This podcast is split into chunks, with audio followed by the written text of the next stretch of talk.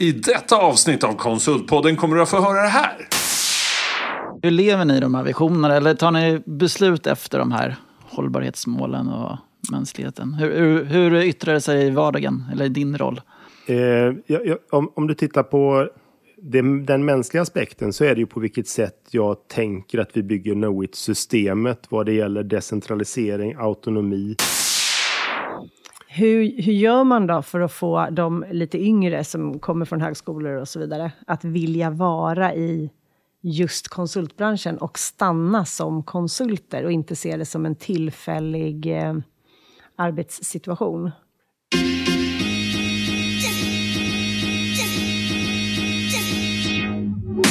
Konsultpodden, den största podden för dig i konsultbranschen.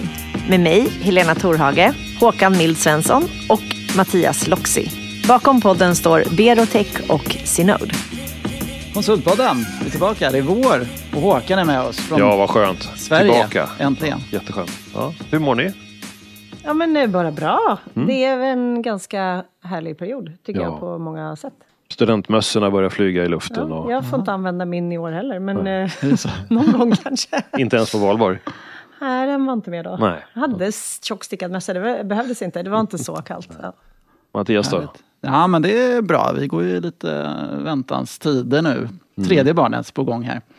Så att, eh, det var sista gången på landet. Nu är vi, eh, blir det hemma. Nu är du grounded hemma Ja, Men ni får vara där massa i sommar sen. Ja, det hoppas vi. Absolut. Det tror jag. kommer säkert gå jättebra. Men Så att det, ja. vad är dagens tema Ja, men idag vi, vi, liksom, eh, vi har fått in en, en gäst som har sprungit hit nästan. Nej, tagit en Voi hit. Kommer direkt från eh, kvartalsrapporten. En välkänd man inom konsultbranschen. Så varmt välkommen Per Valentin, Tack så mycket. koncernchef på Knowit Stämmer. och även ordförande i Tech-Sverige. Det stämmer det också. Ja. Ska vi börja? Du har haft en busy dag, upp tidigt. Upp tidigt och eh, jag är van. Jag har varit eh, koncernchef i ja, snart 13 år så det har varit några kvartalsrapporter. Ärligt talat så är de ganska lika i sin struktur och sitt det är sätt så. att fråga och sitt sätt att svara. Men det är alltid lite nya saker. Det nya i eh, nu var väldigt mycket frågor kring AI, vilket ingen Aha. har frågat efter tidigare. Och det är kanske inte så konstigt med tanke på att det pratas AI till och med på kultursidorna nu för tiden. Har ni några AI-uppdrag? Det har vi. Och jag pratar gladeligen om dem eh, med analytikerna. Det var kul. Och sen har vi pratat om siffror också naturligtvis. Och, och, och så. Men nu kanske vi ska ta, hur känns marknaden? Marknaden är mer avvaktande nu än vad den var tidigare, men ganska diversifierad. Det finns eh, delar på marknaden som växer eh, om du jämför med ett år tillbaka och det finns delar som krymper. Om, om man tittar på Knowit så syns det jättetydligt om man tittar på vår branschindelning för att vi har vuxit inom offentlig sektor och, och en del av den tillväxten är, är försvaret. Alltså vi, ganska mycket av försvaret är i offentlig sektor. Och sen så har vi krympt eh, inom framförallt retail. Så det, det syns på siffrorna att vi har haft en sån omställning på ett år. Det är de två stora. Cyber security går starkt, Yes. retail går svagt. Ja. Och, men, men även försvar, alltså för, försvarsindustrin då. Vad tror du om framtiden då? Den ser ljus ut Den ser ljus ut. Ja. Allting ska digitaliseras förr eller senare. Härligt. Kul. Ja, men ska vi, ska vi backa lite bara? In, in, hur kom du in i konsultbranschen? Du har ju varit en, en räv i den här branschen länge. Men hur Ja, började det? Eh, det började bakgrund. på det sättet. Alltså min bakgrund är ju extremt icke-karriäristisk och brokig. Så att jag, jag tänkte att jag skulle bli byggnadsingenjör. Eh, efter det att jag tänkte att jag skulle vara surfproffs. För jag, jag, jag har hållit på med det väldigt mycket och höll på med det på heltid i över tre år. Reste runt på världscupen, vann Svenska cupen ett par år i rad och var med på, på VM och EM och sådär. Och när man är, då, då var jag ganska ung så jag, jag, jag vann nog Svenska cupen när jag var 2021 re, redan. Och då trodde jag nog inte att jag någonsin skulle göra något annat i hela mitt liv än att surfa faktiskt. Det, var, Nej, det känns rimligt och, att man eh, det, om, ja. om man minns hur det var när man var 20 så finns ju inte livet efter 30 å andra sidan. Jag är snart 52. Eh, så att det var min tanke. Men sen så eh, eh, var jag lite sugen på, jag är ganska samhällsintresserad, su- sugen på att plugga.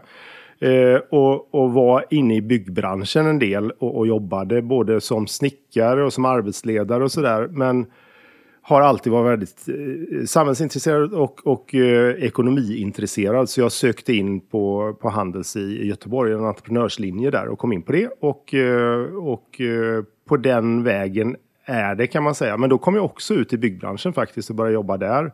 Under ett- Som konsult? Eh, nej, alltså som säljare. Eh, så jag, jag sålde värme och kylsystem eh, och reste runt, eh, träffade rörläggare i Småland och sålde sådana system. Eh, Det var ett superkul jobb måste jag säga. Väldigt egensinniga personer och lite lurigt att förstå hur man skulle skapa en bra relation med dem när man var lite ung sådär.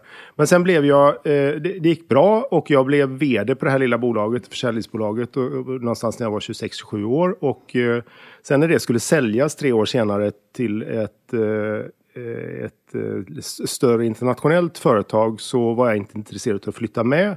Och hade, då, då var det 99 och då, då var det ju så att de kompisarna som jag hade som inte var i byggbranschen utan som var i techbranschen eller internetbranschen som det hette på den tiden. De hade ju väldigt mycket skojare på sitt jobb än vad jag hade tyckte jag. Så att jag sökte in som säljare eh, till, till våran bransch. Eh, och jobbade som säljare ett tag och, och blev ganska snart ansvarig för Knowits verksamhet i Göteborg. Och du började där redan då? Ja, så att jag har varit på Knowit i över 20 år. 23 och ett halvt år. Jag har koll på Du det. Räknar jättesnabbt eller? Jag hade hoppats att du Det skulle är söka till... halva livet. Det, jag trodde du skulle tillbaka till surflivet där. Ja, Jag tyckte det lät bättre med över 20. ja. Ja, Ja, det är det är ganska länge. Ja, är Eh, jättelänge. och och eh, då var jag med och byggde upp verksamheten i Göteborg från, från eh, ganska få personer till en, en- en, bit över 100 personer och fick därefter förtroendet att ta över som koncernchef på något.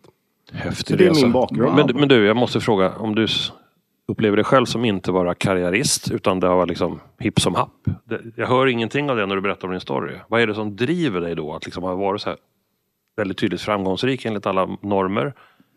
Om det inte är karriären som driver. Vad är det, vad är det, vad är det, som, du drar, vad är det som drar dig till att Eh, jobba med allt det här så eh, pass mycket? Det är eh, att jag har, får massa spännande tankar i huvudet kring nya spännande saker att göra eller sätt att eh, tänka på eller sätt att organisera eller by- bygga eller så och, och, och eh, blir väldigt, själv väldigt intresserad av det och kan inte låta bli att och, och, eh, ja, det blir en glädje att bygga. Ja. Så det är entreprenörsådran där Ja, som på något sätt är den. Ja. Och, och då har jag fått den förmånen får man säga, för det är inte alla som får det i sina jobb. att eh, Ganska tidigt då på, på Knowit. Eh, och, och, och det är väl någonting som har jag har tänkt ganska mycket på att, att se till att ge den förmånen till många människor i Knowit-systemet också. För jag fick förmånen att vara med och bygga verksamheten i, i Göteborg och fick ganska fria händer kring det och, och fann en väldigt stor glädje i det tillsammans med dem jag gjorde det med. Det är ju inte ett e- enmansjobb men det blir liksom ett, ett gäng som gör det då.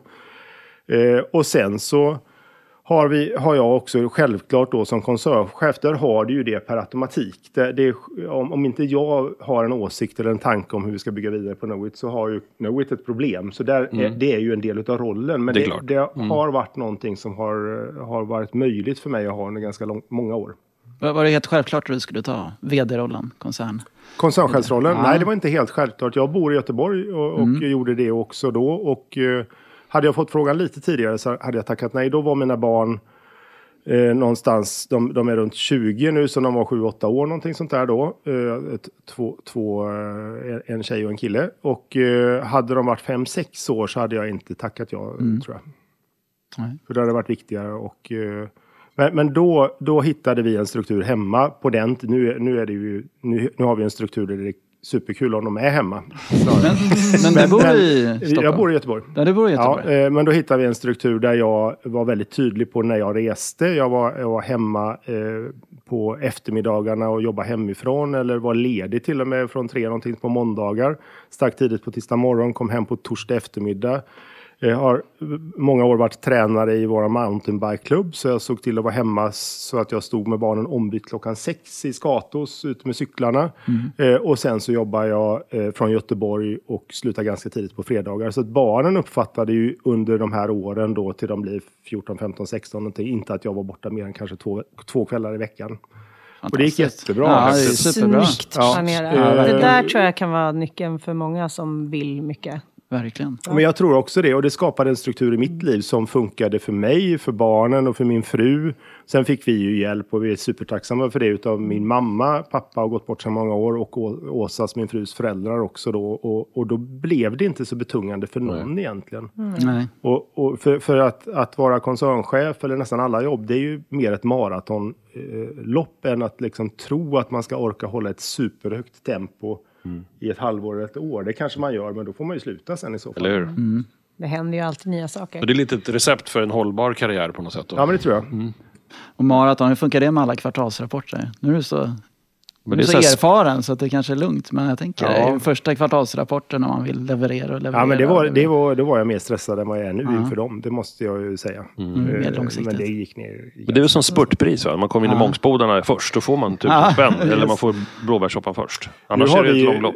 Ja, och sen har vi ju under det här, då när jag tog, det var lite tufft i början för vi hade, hade då på den tiden, detta var ju 2011, då hade vi en, en resa, bak, det är ju så länge sedan nu, men där vi hade gjort några förvärv som inte hade gått superbra i Knowit-systemet och vi var tvungna att konsolidera, till och med lägga ner ett par bolag och krympa och, och marginalen gick ner, lönsamheten gick ner. Det var ganska mycket, får man ändå säga, städjobb och, eh, och kursen gick ner eh, och sådär. Så det var, de första två åren var ganska tuffa, tyckte jag nog. Det, det måste jag säga. Sen lyckades det sm- smått vända e- e- efter det då. Och, och efter det har det ju varit, får man nog säga, en, tioårsperiod där det har gått väldigt bra varje år och lite bättre. Kul. Hur, hur, hur tajt är det med styrelsen? Hur? Ja, men la, lagom. Jag tror att eh, jag har haft förmånen att ha, nu har jag en, en eh, eh också en, eh, vi har ju en ägarstruktur i Knowit sedan ett par år tillbaka med två huvudägare som sitter i styrelsen. Det är jag väldigt tacksam över för att det är alltid svårt att ha en styrelse som är tjänstemannatillsatt eh, och dessutom så har de inte mandat från någon specifik ägare då. Eh, Jag har, hade under många år en, en, eh, en ordförande som heter Mats Olsson som funkade jättebra och väldigt värdefullt att ha honom och även när det var lite tuffare tider då. Har en superbra eh, ordförande i, Jon Risfält nu som har liksom tagit över den stafettpinnen, vad är det, två, tre år nu någonting sånt där. Eh, och dessutom har då eh, Jon har satt mig i styrelsen redan innan han kunde bolaget när han tog över som ordförande, vilket jag tror är otroligt värdefullt. Eh, och dessutom har vi fått in eh, två huvudägare i styrelsen nu. Då. Så jag, jag tycker den är bra. De utmanar, de har åsikter, de har tankar, de bryr sig och är engagerade. Men, men också ganska mycket värme och eh, vilja till att vi har ett gemensamt mål. Du får fortsätta vara entreprenör. Ja, det tycker jag. Och det tror jag är viktigt. Ja. Både för alla, men för dig Ja. verkligen också. Ja, men det är superviktigt och, och det tycker jag, de lyssnar på det. Mm. Och, och sen så vill de ju massa saker och det är klart att det blir det, att man får ta, ta liksom eh, och, och, och landa det tillsammans. Men det är ju en väldig styrka att ha, ha några som på riktigt kan bestämma i form av ägarskap. Eller hur? Men, blir- men, ber- ja. Nej, men just entreprenörskap. Ni är ju väldigt entreprenörsdrivna. Ni är ju liksom, jag vet inte hur många bolag ni är. 80? 100? Hundra? 100 bolag till och med. Och ni har förvärvat mycket. Ja. Berätta lite om Knowit-strukturen. Ja, alltså till, att börja med så, så tror jag att det lever kvar en tanke om att vi är en massa e egna dotterbolag som inte samarbetar eller sitter ihop eller är en koncern. Så är det inte och har inte varit på ganska många år. Det var det för länge sedan, ja. Men eh, vi har en ganska tydlig governance-struktur. Vi har ju liksom ett, ett gemensamt affärssystem. Vi har eh, gemensamma policies. Vi, har, vi är ISO-certifierade på, på längden och bredden 27001 och så vidare. Och så vidare. Ordning och reda på, på det mesta skulle jag säga. Vi har gemensam eh, IT och hela den plattformen. Eh, som vi pratar om, möjligtvis har vi då två stycken CV-system, men, men ganska mycket samma. Eh, Eh, eh, på varje ort så sitter vi på samma ställe. Eh, en sak som gör att, att man som dotterbolag i Knowit-systemet varken nu eller tidigare egentligen har samma självbestämmande naturligtvis som ett, som ett eget dotterbolag är, är ju att vi har samma varumärke. Så vi måste ju respektera varandra och förhålla oss till varandra. Och så har vi byggt upp en struktur på, på vilket sätt vi samarbetar i våra fyra eh, ganska tydliga affärsområden då. Så att, eh, att, att vi har många, det spelar ingen roll att vi har många dotterbolag. Min tanke är snarare det att eh, me- merkostnaden för att ha ett dotterbolag idag är ju mycket lägre än vad den var för tio år sedan. Därför att vi har digitaliserat vår bransch så pass mycket så, så att merkostnaden för många bolag kommer ju i teorin gå mot noll eh, förr eller senare. Eh, och då finns det ett antal fördelar med att ha ett dotterbolag istället för att ha en, en avdelning. En sån sak är ju det att den personen rent mentalt som är vd för det dotterbolaget istället för avdelningschef känner en lite större frihet att ta egna initiativ. Men har ni inte så när ni startar bolag att ni, ni har någon entreprenör som startar det här bolaget och ni liksom vill ha entreprenörskapet? Eh, ja, det, det, är inte, det är inte säkert. Nej. Alltså, det är, eh, vi har massor med så. Vi har startat många bolag genom åren eh, där vi ibland till och med har delägt dem. Ganska ofta, eller nästan alltid, speciellt nu för tiden, så, så äger vi bolagen själva helt och hållet, även om vi startar de nya. Och sen så eh, är det klart att det blir lite högre krav men också större frihet och möjligheter för den personen som då är vd istället för avdelningschef. Så är det och, och det tycker jag är bra. Och då måste vi ju bygga våran struktur för att eh, hantera det och, och skapa möjligheter för den typen av människor i systemet. Hur, hur ser kunderna på det här? För nu pratar vi ett inåtperspektiv, tänker jag rätt mycket. Ja, det, nu pratar vi bara inifrån Ja, jag Vi tänker- pratar inte om detta mot kunderna Nej, överhuvudtaget. men om, om jag är kund då? Förstår jag att det är hundra bolag eller är det, Det är det bara jag inte know du it? gör. Det är bara know it med fyra Ja. stora grupperingar. Finns Ja. det undervarumärken överhuvudtaget? N- Nej, eh, och eh, ja. Så här är det, att vi har eh, i, i, i själva konsultsystemet så finns det inte det. Sen har vi, eh, i och med att vi är entreprenöriella så har vi under åren byggt på oss lite olika typer av rena produkter och, och, och då, då är det specifika produktbolag. De har egna varumärken. Ja, det, De har vi dessutom nu under detta året faktiskt samlat i en egen eh, eh, liten resultat. De är en del av affärsområdena men de har en egen resultatuppföljning. Och där finns det bolag som ett bolag som heter Deploy som är ett, ett system för att eh, konvertera eller sälja billeasingprodukter på nätet Mm. Kopplat till banker. Vi sålde ett bolag eh, precis eh, där vi ägde nästan allt men gick ner i ägande som heter Stack som en core banklösning på, på Microsofts eh, plattform och så vidare. Och så vidare. Just det. Ja, och det är ju eh, självklart kanske att de inte jobbar under Knowit. Nej, då blir det fel. Ja, det var fel. Nej, jag förstår. Bra. Får jag backa jättemånga steg? ja. Jag blir så nyfiken på, för ofta när vi pratar om varför man väljer konsultbranschen från början så är det ganska mycket en slump och att man kanske inte ens vet om att konsult är en karriärväg att gå. Utan man kanske kan vara konsult under en period och lite snabbt lära sig många organisationer och så vidare. Och du låter ju inte heller riktigt som att du valde branschen, men du valde ett kul företag på något sätt. Hur, hur gör man då för att få de lite yngre som kommer från högskolor och så vidare att vilja vara i just konsultbranschen och stanna som konsulter och inte se det som en tillfällig eh, arbetssituation?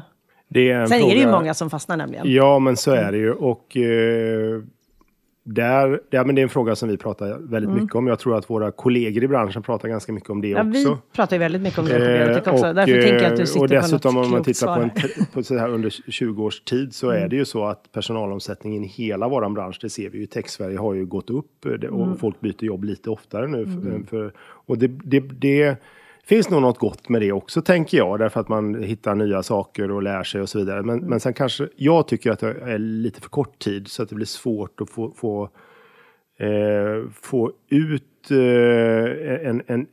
För individen så tror jag att det blir lite sämre för karriären helt enkelt. Att, att eh, byta så pass ofta. För man liksom måste börja om så himla ofta och så, så syns det inte vad man har gjort riktigt.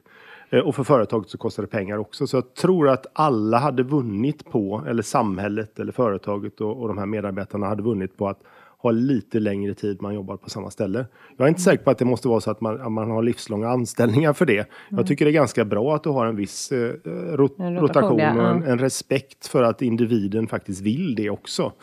Jag hade aldrig varit kvar på Knowit så här länge om inte jag hade fått nya roller och Knowit hade förändrat sig. Nu hade, har jag ju fått möjlighet att driva den förändringen eh, så, så att jag har fått bygga vad jag tänker är liksom en, en, det blir ju en karriär i sig i och för sig. Eller hur? talar På, ta, ta, ta, talar om karriär då.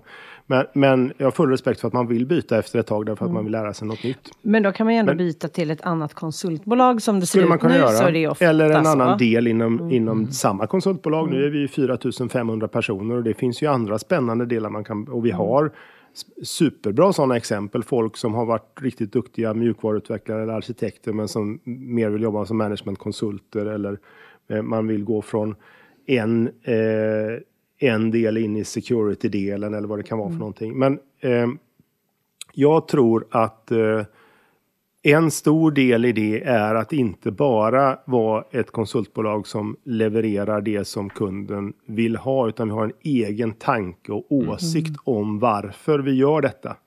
För att annars så vad är meningen med att vara där anna- annars? nej, precis, liksom, så blir det- Tänker jag, det blir inget kul. Så vi, vi har tagit fram en ledarskapsidé kring hur vi jobbar med ledarskap. Allt ifrån hur, hur du jobbar med ditt eget självledarskap till hur du faktiskt försöker leda och utveckla samhället i nästa steg. Alltså inte bara hur man utvecklar ku- kunderna, har idéer och tankar om hur kunderna ska utvecklas utan ta det ett Lite större till. perspektiv. Ja. Mm. Och då blir det lite intressant och det blir lite spännande och eh, eh, jag, jag, det- är du samhällsintresserad och liksom ser att du får någon effekt på den förändringen och, och, och har spännande uppdrag och så vidare, då tror jag att du ökar längden du väljer att vara kvar i konsultbranschen eller hos oss. Jag satt på en paneldebatt i förra veckan med Romina Pourmokhtari, våran, eh, våran miljöminister. Och hon, hon var på, på, på techarena där vi, och, och vi hade en, en, en, en diskussion, var det väl snarare än en debatt där hon sa, alltså superbra liksom, är du, är du ung eh, person eh, eh, och vill förändra någonting i samhället, ja men läs till ingenjör eller bli, bli mjukvaruutvecklare för det är ju där du skapar möjligheter. Eh, och det måste vi liksom embracea så gott vi kan. Får alla ta del av det här ledarskapsprogrammet ni har? Ja, det, ja, det är öppet och, och fritt. Vem som helst, Du liksom. får Mm. titta på det också om du vill. Coolt! Ja. det gör jag, gör jag gärna. Men Ja. apropå att förändra samhället och uppnå någonting större, vad är, vad är det Knowit vill? Förutom att sälja konsulttimmar. Och, Och tjäna eh, pengar. och tjäna pengar. Ja. Ja. vad, vad, Eh, vad gör det spännande hjälpa för till dig? att skapa ett mänskligt hållbart samhälle med hjälp av det vi kan, digitalisering och innovation. Det är ju det, det, är ju det vi Mm. vill, alltså skapa en förändring. Och det, då, då kan vi prata om massa olika delar. Eh, Det jag tycker är superspännande, det, det har varit väldigt stort fokus ett tag nu naturligtvis på miljö och, och CO2 och hela den delen, den är superspännande och intressant att prata om. En annan del som, det är ju den mänskliga aspekten där jag tror AI kommer påverka ganska mycket. Där där AI tillgängliggör ju teknologi och teknik på ett helt annat sätt, antagligen om några år framöver för folk som inte är, är, är, är tekniskt utbildade också då. Eh, så så att jag, jag tror att eh, ja, men det är ju de stora samhällsfrågorna som jag väldigt starkt tänker att näringslivet kan hjälpa till och, och, och, lösa vad, vad det gäller hållbarhet och, och vad det gäller att skapa ett bra, ett bra samhälle för, för medborgarna. Ungefär så. Utan att för den bli politiska. För att det, det är ju självklart så att politiken behövs och, och, och, och vi ska liksom inte försöka ersätta det. Vi ska bara fundera på vad är vi någonstans i systemet och vad kan vi göra för, för spännande och bra grejer. Eh, dessutom så är det, ju- är det ju väldigt många som har förstått nu att eh, hållbarhet är ju inte bara eh, regulations eller göra någonting för att du, du krävs göra det, utan det är ju troligtvis det mest lönsamma på lite sikt. Eller hur?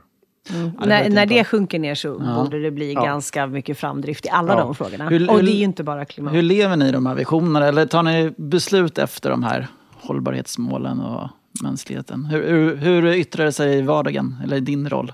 Eh, jag, jag, om, om du tittar på det, den mänskliga aspekten så är det ju på vilket sätt jag tänker att vi bygger Knowit-systemet vad det gäller decentralisering, autonomi, på vilket, vilken kultur vi har, ledarskap. Som några av er känner till så har vi jobbat väldigt mycket med jämställdhet och inkludering sedan 2016. Har vi, då, på den tiden så, så, så Ja, det, det, det kände jag, det, nu har jag varit på Knowit så länge så jag kände när jag var chef i Göteborg så kände jag att jag gillade Knowit. Det fanns ganska mycket bra grejer med Knowit-systemet. Eh, kulturellt, entreprenörskap, driv, eh, man fick göra spännande saker och så vidare. Men ganska grabbigt ärligt talat på den tiden då. Så det tänkte jag att jag skulle ändra lite grann när jag blev koncernchef. Försökte ett par gånger utan att lyckas. Och sen så fick vi fart på ett sånt projekt eh, 20, 2015, 2016, någonting sånt där. Eh, och då gick vi från 10 procent av våra lönesättande chefer då var, var kvinnor, nu är det över 40 procent. Vad är, Vad var det recept, som gjorde vad är receptet på det? Ja.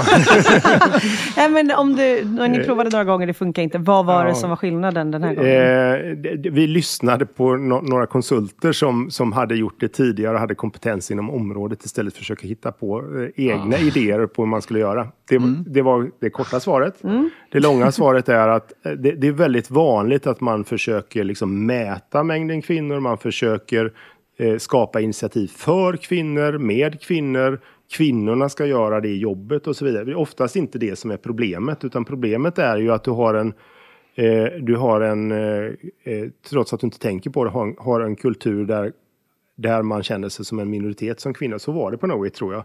Och då är det ju inte kvinnorna som ska ändra på sig, utan då är det ju männen. Och då har vi ett förändringsprojekt för, för oss då, så, snarare än Ja, det för någon är så annan. snyggt. Det låter snyggt. Eh, så det var det. Och, och, det jag, och, och dessutom så är det ju väldigt eh, hårfin eh, skillnad mellan att göra en sån förändring och skapa ett blame game kring personer som jag, väldigt, verkligen bra människor som då, på den tiden jobbade på Knowit som, som var och, och fortfarande är män då.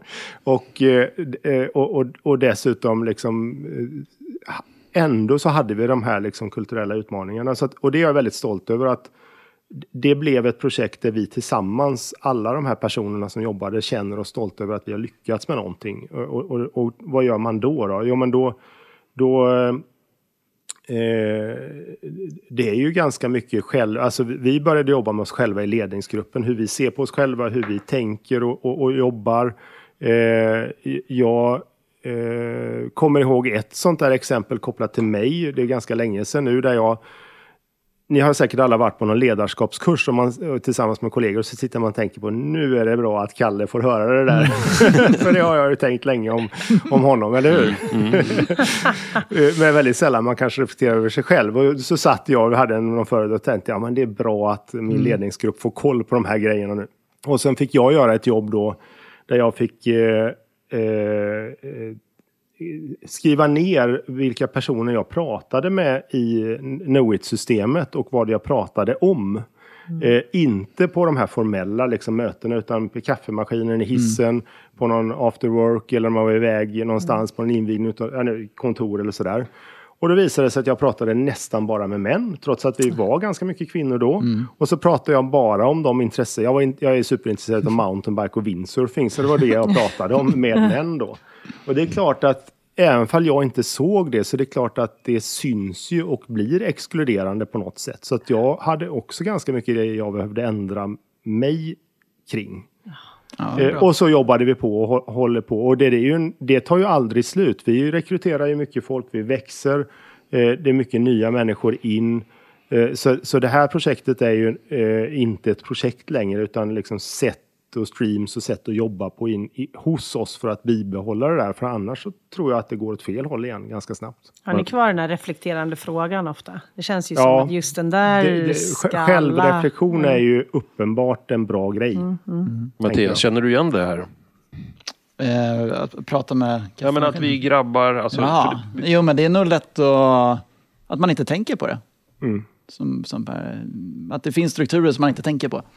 Ja, precis. jag, jag, jag känner igen mig också i att, att det har varit en sån där grabbig miljö där ja, men vi som var framgångsrika, det var, ju- det var ju grabbarna.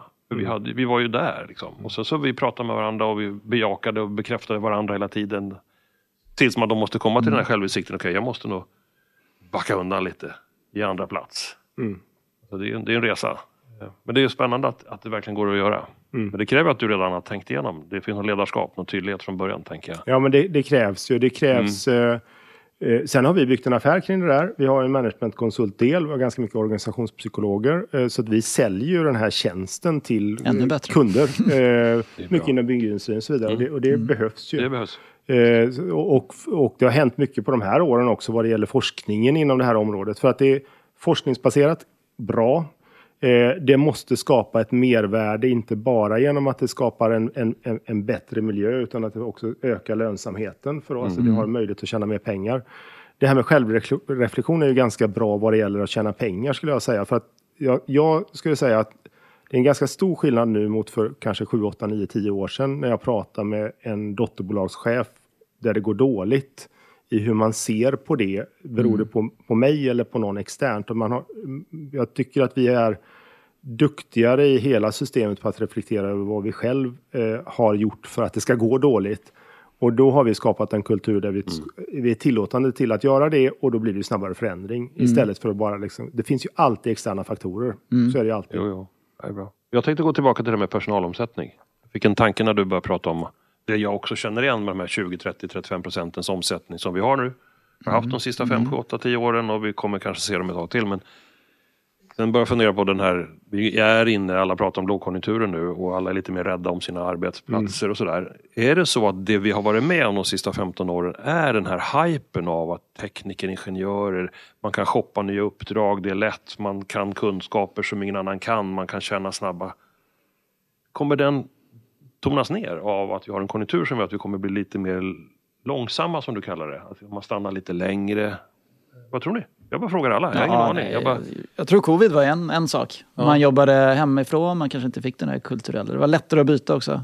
ja, just det, man var mer sig själv då. Ja. Ja, så det är, väl, det är väl en orsak. Sen Mm. som sagt, högkonjunktur, då är, det, då är det lättare att ge sig ut på ny mark. Det tror jag. Ja. Så jag, jag kan tänka att det kan finnas någonting fint i att vi är mer vårdar våra kunder, våra uppdrag, våra relationer med arbetsgivare och arbetstagare. För ett längre perspektiv. För att det, Jag tror man kanske kommer tänka lite lugnare. Jag vet inte. Vi får väl se. Nej, det, är, det är spännande att se. Ja, det, det är någon kulturell grej i samhället också. Det är kanske det du menar, att, Ja. att det, det kanske inte är så att eh, kompisarna byter jobb vartannat år längre och då gör man inte det själv Nej. heller. Och det, det, det tror jag är på väg att hända. Jag tror att det är Precis. superpositivt också. Jag tror att det Mm. skapar ett litet lugn Ja, i oss. Vi går Ja. väl allmänt mot mer slow living. Mm. Även om man inte behöver ta det så extremt. Work-life balance. Ja, men Mm. att förstå att vi kanske behöver vara i naturen för att orka jobba. Det tycker jag man pratar mycket mer om nu än för några år sedan. Och ja, men, tar in andra aspekter. Mm. Det är inte så coolt att vara nära på att gå in i väggen. Nej. Nej, det är det ju inte. Det har det väl all, har det varit det? Ja, men jag, tror, jag, det, det, jag tror ju att det typ har varit det. Ja, Eller så här, om jag är så här busy. Jo, och men det jag var har väl lite den kulturen ett en tag. Man skulle vara sekund och- busy. Ja, ja, nu, är det exakt. mer, eh, nu är det mer åka till Frankrike och ha ett hus i Frankrike. Mm. Som man, Eller, planera sitt liv så att Ja, man inte går sönder. Alltså, Ja. och jag tycker det du berättar är ju någonstans, även om du har gjort den här kometkarriären så är du fortfarande vindsurfaren. Jag vindsurfar fortfarande ganska Ja, mycket. precis. Och det tror jag är Ja. viktigt att man behåller sitt, sitt riktiga syfte och jag på något sätt. Jag tänkte att, vad, är Knowit på väg? Om vi, om, vi, får- om vi får sitta med det här om fem år. Mm. Då kommer jag inte berätta att du var där i 27 och ett halvt. Eller 28 och ett. Nej, Då kommer jag inte. Ja, men, Jag har varit på Biotech i 22 så vi är på ett sätt lika duktiga på det här. Men eh, vad, hur ser det ut på Knowit om fem Eh, år? vi, det, det, nummer ett, det vet jag inte. Nummer två, jag har en massa tankar om det Mm. naturligtvis. Eller vi har på, på Knowit eh, tankar om det. Och vi, vi tänker ju att fortsätta växa. Eh, det är väldigt tydligt också. Vi skaffade ju nya finansiella mål tillsammans med våra ägare där vi säger att vi ska ha en lite högre tillväxttakt, uppåt 15 procent per år i snitt. Där eh, en, en, en, del av det kommer med hjälp av förvärv. Eh, nu är vi, gjorde vi sju förvärv förra året, eh, så vi är ganska praktiskt att ta det lite lugnt första halvåret. Dessutom så är det ju ändå lite skakigare på marknaden så jag tror det är ganska smart av oss att ta det lite lugnt ett tag. Eh, så jag tror att vi har kommit igång i, i någon slags förvärvs och tillväxtresa. Det är viktigt att hålla kvar den organiska tillväxten samtidigt, annars Ja, har vi en absolut. utmaning. Eh, så, att, så att vi brukar väldigt mycket, och det är väl många som gör det, prata om att för att ha rättigheten att förvärva så har vi en skyldighet att ha en organisk tillväxt, annars får vi Smart, inte till det. Eh, och det är också väldigt viktigt att se att våra förvärv fortsätter växa när de är i Knowit-systemet. För att det betyder ju att de gillar att vara där. Ja, så, att de, ja, just det. så det inte var bara en exitplan för några som sen slappnar av. Nej, men lite så. Eh, och, och, och det kan det väl möjligtvis vara för någon individ som ändå vill gå i pension eller något så, att det, det, Alla måste ju liksom Mm. Ja, ja. ändra sitt liv. Det är inte det, men, men totalt sett måste vi ha en tanke och en plan kring varför vi, vi gör det då. Eh, jag tror väldigt mycket, jag, jag tänker som så här, eller vi tänker som så här att väldigt många konsultbolag som är lite större har eh, hierarkiskt eh, byggt en struktur för att hantera storlek. Det är bara att titta på de här stora internationella liksom, eh, Accenture, Cap, CGI, eh, eh, managementkonsultbolagen, som McKinsey eller Accenture som är, är lite mittemellan. De har ju väldigt hierarkiska strukturer och försöker skapa mer decentralisering och, och mer autonomi. Men, men det är väldigt svårt i de systemen att ändra sig. Det vi skulle vilja göra det är fortsätta konsolidera eh, branschen och fortsätta växa. Men automatisera eh, och centralisera decentraliseringen. Så att vi bygger på ett annat sätt. Så att Knowit blir eh, fortfarande... Visionen är ju att Knowit fortfarande ska vara lika, uppfattas som lika autonomt och decentraliserat även fall vi är, är väldigt mycket större. Och det kräver helt andra saker. Jag tror inte ens det har varit möjligt att göra det för 5-10 år sedan. Ut, utav praktiska skäl så finns ju hierarkier för det är svårt att, att ha koll på väldigt mycket annars. Vi är ju inte mer än människor, har bara en hjärna, så det, det går Mm. inte liksom. Så då skapar du hierarkier. Men vad är det som händer nu? Jo, digitaliseringen och AI kommer så att du kan antagligen ta hjälp av teknik för att hantera detta framåt. Det har inte gått bakåt i tiden. Och då vill vi vara där och det är säkert andra som vill det också. Cool. Att bygga en struktur som är automatiserad, centraliserad decentralisering. Automatiserad, centraliserad decentralisering. Säg det jättemånga gånger Ja. snabbt. Ja. Ja, men det är ju spännande med alla förvärv. Och... Vi kan inte börja berätta, ni köpt Cybercom. Var det två år sedan? Två år sedan. Eh, hur, hur går sådana här integrationer till? Det är ett stort Bra. köp. Ja. Korta svaret. Ja, det har det gjort. Vi har tittat på personalomsättning till exempel. Den har inte gått upp och, och det finns ju massa andra faktorer. En stor del av Cybercom eh, så att säga, eh, är ju det som är vårt nya affärsområde Connectivity, det vill säga mer eh, embedded-utveckling, mjukvara kopplat till produkter. Eh, det är ungefär 700 personer. De går eh, nu även i Q1 väldigt, väldigt bra. Eh, i, I princip de som har vuxit mest inom vårt system sedan förra året. Och det är ju ett år då de var en del av Knowit. Ja, jag tycker att det är tufft att förvärva bolag också. Få dem att behålla sig, så det, det är starkt. Men jag gör grunda, grundjobbet, tänker jag. Ja, alltså jag tror att du måste ha en tanke om varför du ska förvärva. Du måste ha en tanke om att du är någon som ska ta emot kunskap och lära dig någonting och skapa ett bättre know-it av förvärvet istället för tvärtom. Då tror jag det är en... Har du börjat tänka på det sättet så är, det, är du i alla fall en liten bit på väg i, i att det blir ett bra förvärv. För då blir det spännande för de som kommer in. För de får vara med och bygga någonting nytt och vidareutveckla det vi har. Jag tänkte att vi borde, det här Tech-Sverige, Ja, det var precis det står jag ju tänkte på mitt också. manuslapp Ja, här som jag fått av dig Mattias. Ja, Kan inte du berätta lite grann om vad det är för organisation och din roll där? Te- Tech Sverige är en, eh, en arbetsgivar och eh, branschorganisation. Det är, det både och. Eh, Arbetsgivardelen är ju, det det är ju ett kollektivavtal. Tech, Tech Sverige har två kollektivavtal, ett, ett inom telekom och ett inom IT då, IT-avtalet eller techavtalet. Eh, och eh, det, är, det är ju väldigt aktuellt för det signades ju just nu eh, avtal på märket. Alla vill ju hamna, eller måste hamna på märket, det vill säga 4,1 procent nu under 2023. Eh, Så det är en ganska formell struktur, en del utav Svenskt Näringsliv. Jag sitter också i verksamhetsstyrelsen i Svenskt Näringsliv där, där det är ju en sammanslutning mellan egentligen alla branscher då, eller alla sektorer som det kallas. Får jag bara ställa en fråga? Vi på Berotech har Almega. Ja, Är det, är det bra en eller? Ska vi byta till dig eller?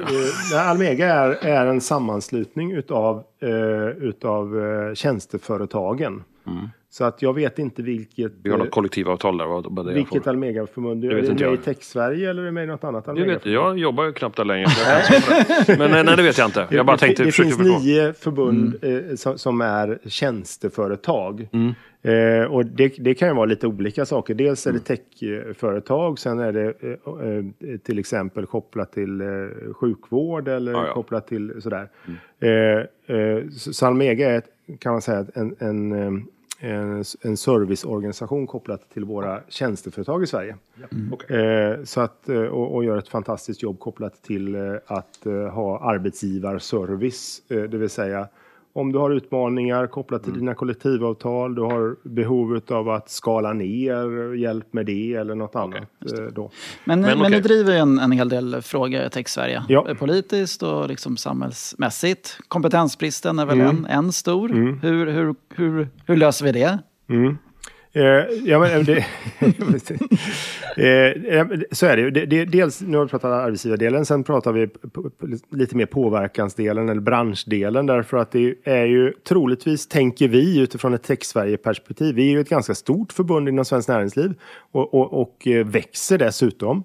Vi tänker att, eh, att få en förståelse för våran bransch och, och använda våran bransch som katalysator för att skapa förändringar i samhället är bra både för oss och för de andra sektorerna då. Så, så att vi, vi försöker ju, eh, och, och den största utmaningen som vi har, det är ju kompetensbristen. Vi gör en undersökning en gång per år där vi sist då kom fram till att det var ungefär 70 000 personer som var eh, shortage, alltså fattades ungefär 70 000 u- utvecklare. Kan vara så att nu när det är lite sämre konjunktur att det är lite färre, men jag tror att det kommer vara en väldigt stor eh, brist på utvecklare fortsatt. Eh, hur löser du det då? Ja, men eh, då, då är det är vi ju en, en, en lobbyorganisation mot politiken för att eh, fundera på hur man kan vidareutveckla högskoleväsendet, yrkesutbildningar. En ganska stor utmaning idag kopplat till att eh, många som börjar på just de tekniska utbildningarna inte slutför dem. Kan man jobba med det för att få dem att gå färdigt helt enkelt? Och då tror jag att det är väldigt mycket kopplat till ledarskap och, och närheten till syftet med tekniken och inte bara att du måste ha liksom den kopplingen även där, precis som vi pratade om Knowit Har du tidigare. samhällskopplingen där så kommer du få folk att Antagligen lite, bättre. mer i alla fall. Eh, en annan sån här sak som vi jobbar ganska hårt med just nu, som är ett stort problem, det är ju folk som inte är svenskar som kommer hit på, på, som arbetskraft inom våran bransch. Enorma ledtider, både inom techbranschen och ingenjörsdelar. Det kan vara liksom ett halvår. Det går ju naturligtvis inte, därför att så bra löner och så spännande är det inte att, att börja jobba just i Sverige, utan då väljer man något annat land i Europa eller som, som har, har bättre villkor. Så det är superviktigt att vi löser det. Och då, och då finns det ju den här diskussionen, ja men det är ju 8% arbetslöshet i Sverige så det borde inte vara något problem. Men det är det ju, för att vi har inte lyckats utbilda folk. Eh, Och ska vi få upp en, en, en fart på ekonomin totalt sett så det är klart att vi måste investera mer och mer i digitalisering. Det blir bra för alla. Så det är den typen av frågor vi driver. Vad tycker du, för det är mer politiskt, vad tycker du att konsultbolagen har för ansvar för att driva kompetensbristen? Ja, men väldigt, väldigt st- stor också. Det, det är ju det som är lite kul med att eh, försöka göra lite saker utifrån vårat perspektiv. Men sen är det några saker som vi också ska vara ödmjuka för att det finns ju en orsak till att vi har ett politiskt system och att vi är några saker som passar ganska bra att de löses med hjälp av politiken. Eh, eh, så det gäller att hålla isär de, de delarna. Men om du tittar på eh, konsultbolag generellt sett så är det ju att få in folk som inte varit i techbranschen in i våran bransch och, och, och, och vidareutbilda. Eh, men också att, att eh, eh, så att säga bredda skopet för vad, vad tech är, att det inte bara är teknikdelarna då. Spännande. Hörrni, vi har en slutlig temafråga. Om det är okej. Ja, ja. Ja. Jag tänkte vi, vi får klä av dig alla dina år. Vi inte tjata om åren längre. Vi är tillbaka liksom när du surfade i Vätternstranden eller Motala eller eh, västkusten eller vad det var. Och så sitter du där och funderar på, men om jag, skulle, om jag nu skulle få chansen att starta ett eget konsultföretag. Liksom ganska tidigt i ditt, på din resa. Ja, Men också med din långa erfarenhet du har nu då. Vad är det du skulle liksom tipsa dig själv? Okej, nu har jag chansen. Vad är, på vilket sätt skulle jag bygga mitt lilla konsultföretag? Det behöver inte bli börsbolag. Men att jag, att jag bara kommer igång. Kan vi inspirera andra till du att... pratar om små, små bolag nu. Ja, för vi är tidiga som sen kanske kan bli stort. Ja. vad, vad skulle du... Om din son eller dotter kommer och säger, ja, pappa jag vill starta bolag. Ja, men jag tror att det är väldigt viktigt att inte bara ha en koppling till att vi är duktiga tekniskt kompetent utan vi har en tanke om vad det är som vi gör ska förändra. Det är det vi har pratat om tidigare. Så, och, och är man liten så kan man ju nischa sig inom ett väldigt smalt område. Det kan vara val. Det finns ju så mycket spännande saker som är o, outforskade. Så då skulle det vara liksom teknisk eller techkonsultbolag inom en specifik eh, ganska smal nisch. Ja. Eh, och, och attrahera människor som har det intresset då och tycker det är spännande. Eh, och eh, jag tror dessutom att eh, om du är lite mindre att in, eh, ka- kanske eh, inte bara rekrytera kompisar som har extremt samma eh, så att säga, bakgrund eller sådär som dig själv utan försök våga vara lite bredare redan från början. Surfar konsultbolaget. Ja. Kanske. Surfa på någon framgång. Ja, Det är Sri Lanka. Ja, men det är bra Ja, tips. det. Vi har frågat alla nu då, så vi, försöker, vi ska sk- skriva en bok sen, Mattias och jag Helena. Tio tips till framgång. Hur får man royalty på den då? Det beror på om det här tipset kommer med eller inte. Ja, vi- Ja, det är du kanske ändå klarar det. Ja. Nej, vi skojar bara. Men det är jättekul att höra alla olika typer av... ja, men vi ska försöka sammanfatta det i alla fall. Det ska vi göra. Definitivt. Bra. Vad, vad känns det? Har vi fått med? Är det något vi inte har sagt? Ställt frågor kring? Så du har brinner för att säga? Tack för väldigt bra frågor. Jag var på väg att säga massor med fler saker, men det, jag tycker vi, det är väl en bra tillfälle att stoppa. Så tack så jättemycket för bra frågor. Och Det känns som du hade ganska mycket, kul mycket att diskussion, säga. tycker jag. Ja, vad Det roligt. känns som du har mycket att säga. Men- Eller väldigt mycket att säga. Det finns ju hur mycket som helst att vad prata bra om. att du fixade in den här killen. Här. Ja, ja, ja. Vad, vad, vad, vad fick du ta med dig idag tycker du? Nej, Men jag gillar ditt, eh, jag gillar hur, du tog an koncernvd-rollen och work-life balance. Det var inspirerande. Och eh, nej men, det är inget nytt, men alltså se det som ett maraton. Och även att du är i den här stressade börsvärlden, så det är ett, det är ett maraton. Då? Ja, men jag tror ju mycket på det här att man egentligen agerar gott och vill alla väl och tror att man inkluderar alla i en konversation och så vidare. Och så kanske det inte är så när man börjar tänka till. Och det var en klok övning att skriva ner för att få förändring. Och det går ju att applicera på ganska mycket, tror jag. Det är bra. Och sen gillar jag också det som du säger, men hur du fick till, ja men från ett, pappaperspektiv, att få det att funka hemma och ta det ansvaret som ibland kanske ligger oftare på... Jag som är, är i den situationen. Yes. så att, bra. i, bra Jättebra. tips. det, det som jag tar med mig och som jag tror är en framgångsfaktor för er och dig, det är ju att, att ditt samhällsintresse var med redan från första dagen. Det är lätt att man fastnar i de här normerna av att nu ska jag bli framgångsrik och jag får bli alla de här titlarna och jag kommer tjäna pengar och hej och hå. Men om man tappar det syftet, då blir det tokigt också. Och det låter som att du har lyckats hålla i det och nu, nu pratar du med dina medarbetare om självledarskapet kopplat till ett samhällstänk. Det tror jag är skitsnyggt. Ja, applicera det på hundra bolag. Det tror jag, där tror jag det sitter. Det, det, tack, tack snälla du för det. Tack själva. Ja, nej, men inspirerande. Väldigt. Yes. Ska vi avsluta det här? Vi Ja, avslutar Ja. med Ja. tre starka hej. Tack så jättemycket. Tack, hej.